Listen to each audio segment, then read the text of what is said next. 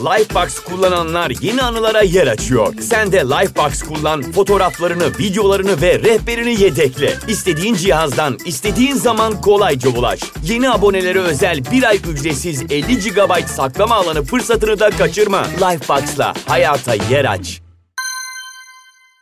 Herkese merhaba, Gelişi Güzel Hayallere hoş geldiniz. Ben Emine. Bu kanalda psikoloji, felsefe, bilim ve farkındalık çerçevesinde hayatı daha yaşanabilir kılmak ve hayallerimize ulaşmak üzere düşüncelerimi, günlük hayatta uygulanabilir pratik yöntemleri paylaşıyorum. Bir yandan da hayatı sorguluyorum. Ek olarak podcast'ta bahsettiğim konuya ilişkin kaynaklar, kitap önerileri ve daha fazlasını blog post olarak paylaşıyorum web sitemde. Eğer ilginizi çeker ve bakmak isterseniz emineyesitimen.com adresini ziyaret edebilirsiniz. Benimle iletişimde kalmak ya da koçluk almak isterseniz benden LinkedIn üzerinden bağlantıda kalabiliriz. Evet, duyurularımızı yaptığımıza göre bu sefer çok fazla duyurum vardı. Yeni bölümümüzün konusuna geçebiliriz. Şimdi evvel zaman önce sizlere Instagram'dan bölüm önerileri sormuştum. Neden dedikodu yaparız diye bir önceki bölümün konusu olan öneri gelmişti ve aynı şekilde aynı kişiden başkasının talihsizliğinden keyif alma konusu da gelmişti. Değişik bir konu ve üzerinde yapılan tabii ki onlarca araştırma var. Ben de bakıp araştırdıkça bayağı bir şey öğrendim. Bugün de öğrendiklerimi burada paylaşacağım sizlerle. Öncelikle bu başkasının talihsizliğinden keyif alma duygusunun bir ismi var. Schadenfreude. Schaden zarar veya hasar verme anlamına gelirken Freude sevinç ya da mutluluk anlamına geliyor. İki kelimenin birleşimi sonucunda başkalarının talihsizliğinden duyulan keyif gibi bir anlam çıkıyor. Ama her dilde karşılığı olan bir sözcük değil. Mesela Türkçe'de yok ya da benim bildiğim kadarıyla yok öyle diyeyim. Hatta İngilizler bizim öyle bir duygumuz yok diye bu sözcüğün lügatlarına girmesini istememiş vakti zamanında. Ama gel gör ki bugün bahsedeceğim kitabın yazarı, duygu tarihçisi Tiffany Watt Smith İngiliz ve kitabının başında belirtiyor ben bir İngilizim ve gayet de böyle bir duygum var. Irkla ne alakası olabilir diye. Gerçekten de öyle. Birkaç tane dilde var. Bayağı bir dilde var aslında ama hepsinde yok. Gerçekten de insani ve tanıdık bir duygu ve hepimizde farklı formlarda var. Kimimiz sosyal medyada komik videolar izlerken böyle düşen insanlara, hayvanlara gülüyoruz. Hatta şöyle bir istatistik de var. Dünyanın böyle en ilham verici, eğitici TED konuşmaları toplam 30 milyon izlenmişken Küçük bir kızın babasının bacak arasını tekmeleme videosu 256 milyon izlenmiş. Tam olarak bu Schadenfreude'nin hafif bir örneği mesela. Benim aklıma ilk gelen örnekte şu oldu. Geçtiğimiz yılda yanlış hatırlamıyorsam Altın Kelebek ödülleri verilirken bir aktris çok heyecanlanıp bunu tutuyorum elimde şu an diye bir cümle kurdu. Hatırlar mısınız? Ne kadar dalga geçtiler, nasıl güldüler, ne postlar çıkıldı kadıncağızın hakkında ya. Oradaki odak kazanılan ödül kutlanılan başarı değildi. Fark ettiniz mi? Kadının dilinin sürçmesiydi ve insanlar aşırı haz aldı bundan. Ben almadım demiyorum, ben gülmedim demiyorum. İlk izlediğimde ben de güldüm ama yani o kadar abartıldı ki o durum bir noktada çok rahatsız edici hale geldi. Bu kadar da abartılmaması gerekiyordu bence. Bu Schadenfreude'nin çıkış noktalarından bir tanesi. Ufak bir şekli. Onun dışında nasıl tezahür ediyor hayatımıza? Daha bahsedeceğim gerçi ama şöyle örnek vermek gerekirse. Mesela kimisi içten içe hasetlendiği birinin işleri yolunda gitmeyince ya da o kişi hayal kırıklığına uğradığında böyle bir haz alıyor. Ya da kötü olduğuna inandığımız, vaktinde canımızı yakan bir kimsenin başına gelen bir talihsizliğe sevinip hak ettiğini bulduğunu düşünebiliriz. Ki bu çok yaygın. Hepimizin hayatında bu duyguyu deneyimlediği bir durum vardır ya da karşınızdakinin sizin hayal kırıklığınızdan, sizin talihsizliğinden zevk aldığını anlamışsınızdır, görmüşsünüzdür. Böyle gözlerin içindeki parıldamadan ya da o fark ettirmeden ki dudağının kenarındaki gülümsemeden falan mutlaka hayatımızın içinde yaşadığımız bir duygu aslında bu. Muhteşem bir duygu, çok iyi bir duygu demiyorum ama bu bölümde biraz arkasında ne var diye objektif olarak bakmak istedim Schadenfreude kavramına. Bu duygu iyisiyle kötüsüyle insan olmanın bir parçası ve biz bu yanımızı da kabullenmek zorundayız. Çünkü kabullendiğimiz sürece onunla başa çıkabilir ya da daha farklı bir boyuta geçmesini engelleyebiliriz, onu kontrol edebiliriz. Hatta yeri gelmişken Nietzsche'nin bu konuyla alakalı bir sözünü paylaşayım. Diyor ki Başkalarının acı çekmesini görmek insana iyi gelir.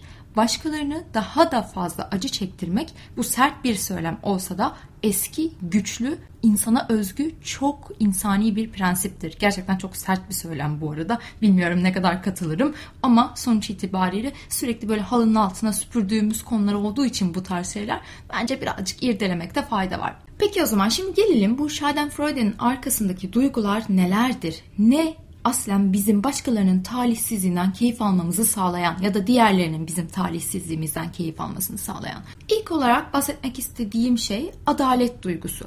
Schadenfreude bir tür adalet veya cezalandırma olarak görülebiliyor çünkü insanlarda ve İnsanlar birbirinin yanlış veya etik olmayan bir şey yaptığını hissettiklerinde o kişi eylemi sonucunda olumsuz bir şey yaşadığında bir memnuniyet duygusu oluyor karşı tarafta. Gelin felsefeye bakalım filozoflar ne demiş bu konuda. Mesela Schopenhauer, Kierkegaard, Baudelaire, Kant, Schadenfreude'yi tiksinç buluyorlar. Bunu birçok eserinde de zaten söylüyor çoğu. Ama Kant'ın şöyle bir yorumu var adalet konusunda.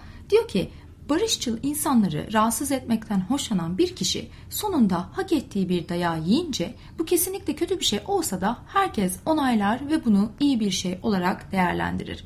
Yani adaletin sağlandığını düşündüğümüz anlarda moral bir eşitlik olduğu için bu zevk ya da rahatlama hissi olarak kabul edilebilir bir yerde duruyor çok hafif bir şekilde de olabilir. Yani şu da olabilir. Mesela diyelim ki ev arkadaşınız var. Ev arkadaşınız çamaşır makinesindeki yıkanmış çamaşırlarınızı çıkartıp böyle yere koydu ya da sizin koymak istemediğiniz bir yere koydu ve kendi çamaşırlarını attı. Ondan sonrasında ama beyazların arasında kırmızı ya da siyah unutmuş. Bir çıkarmış çamaşırları mahvolmuş. İçinizden demez misiniz? Oh iyi oldu hak ettin diye. İşte bu tarz böyle minik şekillerde de ortaya çıkabiliyor. İlla çok zalim bir şekilde ortaya çıkmasına gerek yok bu konunun. İsviçreli bilim insanları tabii ki de bu konu üzerinde de araştırma yapmışlar ve bu konuyu kumar oynayan insanların üzerinden araştırmış. Ve diyorlar ki insanlar hile yapanları ve beleşçileri bulmak artı olarak cezalandırıldığını görmek için ekstra para ödemeye razıymış. Bu esnada çünkü beynimizin ödül mekanizmasının bulunduğu alan aktive oluyormuş. Çok ilginç. Gerçekten de birilerinin cezalandırıldığını, adaletin yerini bulduğunu görmek isteyen bir kişi ekstra para ödemeye razıymış. Şimdi gelelim diğer formuna Schadenfreude'nin. Rekabet yani rekabetçi bir kültürde yaşıyor, bulunuyor olmamız.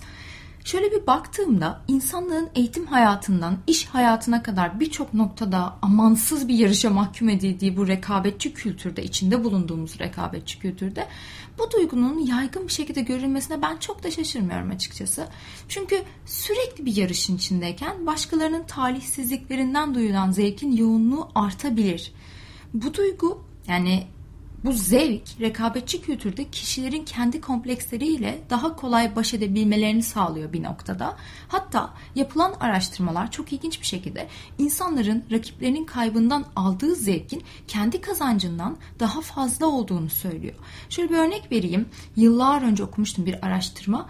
Diyorlar ki öğrencilere. Herkesin ortalama 50 aldığı bir sınavdan sen 70 alacaksın, diğerleri kalacak ve sen geçeceksin. Ya da herkes 85 alıp geçecek, sen de 100'e geçeceksin. Hangisini tercih edersin? Tahmin edin hangisi? Tabii ki de çoğu öğrenci herkesin kaldığı ama kendisinin geçtiği senaryoyu tercih ettiğini söylemiş. Bunun daha ilerisi de var maaş konusunda. Diyorlar ki herkes düşük ücret alacak ve sen o düşük ücretin %50 fazlasını alacaksın ya da herkes çok kazanacak, eşit kazanacaksınız ve bu senin %50 fazla aldığının da iki katı parası. Yani herkes çok para kazanacak ve sen normal kazandığının iki katı fazla para kazanmış olacaksın. Hangisini tercih edersin? Lifebox kullananlar yeni anılara yer açıyor. Sen de Lifebox kullan, fotoğraflarını, videolarını ve rehberini yedekle. İstediğin cihazdan, istediğin zaman kolayca ulaş. Yeni abonelere özel bir ay ücretsiz 50 GB saklama alanı fırsatını da kaçırma. Lifebox'la hayata yer aç.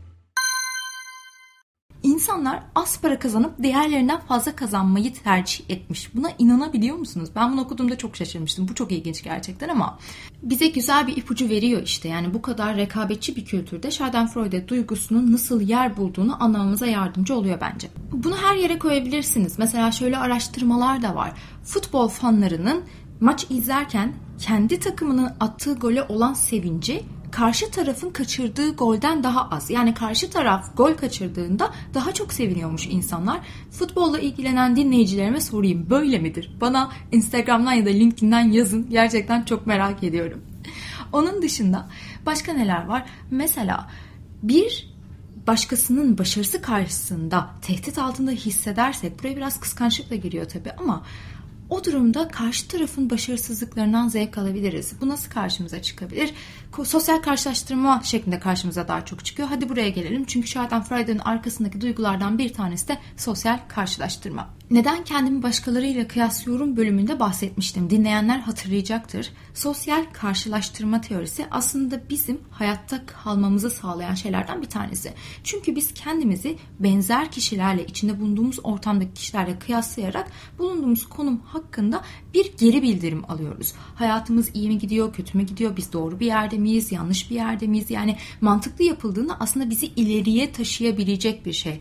Ama bu karşılaştırma sonucunda kendimizi eksik ya da aşağıda hissediyorsak eğer o durumda karşı tarafın başına talihsiz bir olay geldiğinde Schadenfreude duygusu devreye girebilir. O bölümü dinlemediyseniz kesinlikle dinlemenizi tavsiye ederim. Çünkü ben de araştırırken çok şey öğrenmiştim. Hayatta kalma stratejilerimizden bir tanesi sosyal karşılaştırma ve kendimizi aslında kıyaslarken daha iyi bir noktaya nasıl getirebileceğimizi, o kıyaslamayı nasıl fırsata döndürebileceğimizi paylaşmıştım. Bununla alakalı püf noktaları paylaşmıştım. O yüzden dinlemediyseniz mutlaka dinlemenizi tavsiye ederim. Tabii bu durumda şu an sahip olduğumuz muazzam bilginin de çok büyük bir etkisi var. Bilgiden kastım ne? Şöyle açıklayayım. Günümüzde birbirimizi daha fazla gözlemleyebiliyoruz değil mi? Birbirimiz hakkında daha fazla enformasyona sahibiz. Sosyal medya sağ olsun. Başkalarının başarıları, deneyimleri, tarihsizlikleri, hayat hikayeleri bir şekilde karşımıza çıkıyor. Çünkü şu an hayatımızı sergilediğimiz bir noktadayız. Ne yedik, ne içtik, kaç ülke gezdik, nerede çalıştık, aşağı yukarı kim ne kadar para kazanıyor hepsi gözümüzün önünde. Şimdi çoğumuz o dünyada paylaşılan fotoğrafların, videoların gerçek hayatı yansıtmadığını biliyoruz elbette. Ama bu içten içe bir haset dalgasının geçmesini engellemiyor. Bunu bilsek de vay be yine geziyor gibi düşünmüyor musunuz bazen baktığınızda Instagram'a? O yüzden o mükemmel hayat yaşadığını düşündüğünüz kişinin başına gelen ufak bir talihsizlik içten içe sizi mutlu edebiliyor. Şunu demiyorum bu arada bu duygu yoktu ve sosyal medyanın hayatımıza girmesiyle oluştu. Tabii ki de değil bu duygu hep vardı. Çünkü çıkışı yanlış hatırlamıyorsam 18. 19. yüzyıl gibi hatta 20. yüzyılda bu duygunun çok ekstrem noktalara ulaştığını da düşünüyorlar. Çünkü 20. yüzyılda neler var? Bir sürü araştırmalar çıkıyor, bir sürü farklı dallar çıkıyor, bilimde ilerliyoruz falan. Bunlar da var ama şu an daha fazla bilgiye sahip olduğumuz için belki de daha fazla farkındayız. Belki de daha yoğun bir şekilde yaşıyoruz. Yani bana kalırsa bu rekabetçi ortamın getirdiği ve diğer Schadenfreude'nin arkasında olan duygulardan bir tanesi de haset. Diğer iki tanesi de ahlak ve güç. Ahlak az önce bahsettiğim adalet kavramına aslında yakın bir kavram. Çünkü sosyal normlara uymadığını düşündüğümüz, düzeni bozduğumuz kişilerin ya da ahlaki olarak doğru olmadığını düşündüğümüz kişilerin ki bence burası çok tartışılır ama cezalandırdığını görmek de insanlara bir haz veriyor. Güç olarak da sizin kendinizi güçsüz hissettiğiniz, karşısında güçsüz hissettiğiniz kişilerin başına bir şey geldiğinde bak ona bile neler oluyor. Bak işte kefenin cebi yok para olarak gücü ele alacak olursak gibi bu tarz durumlarda o inceden bir haz olabiliyor.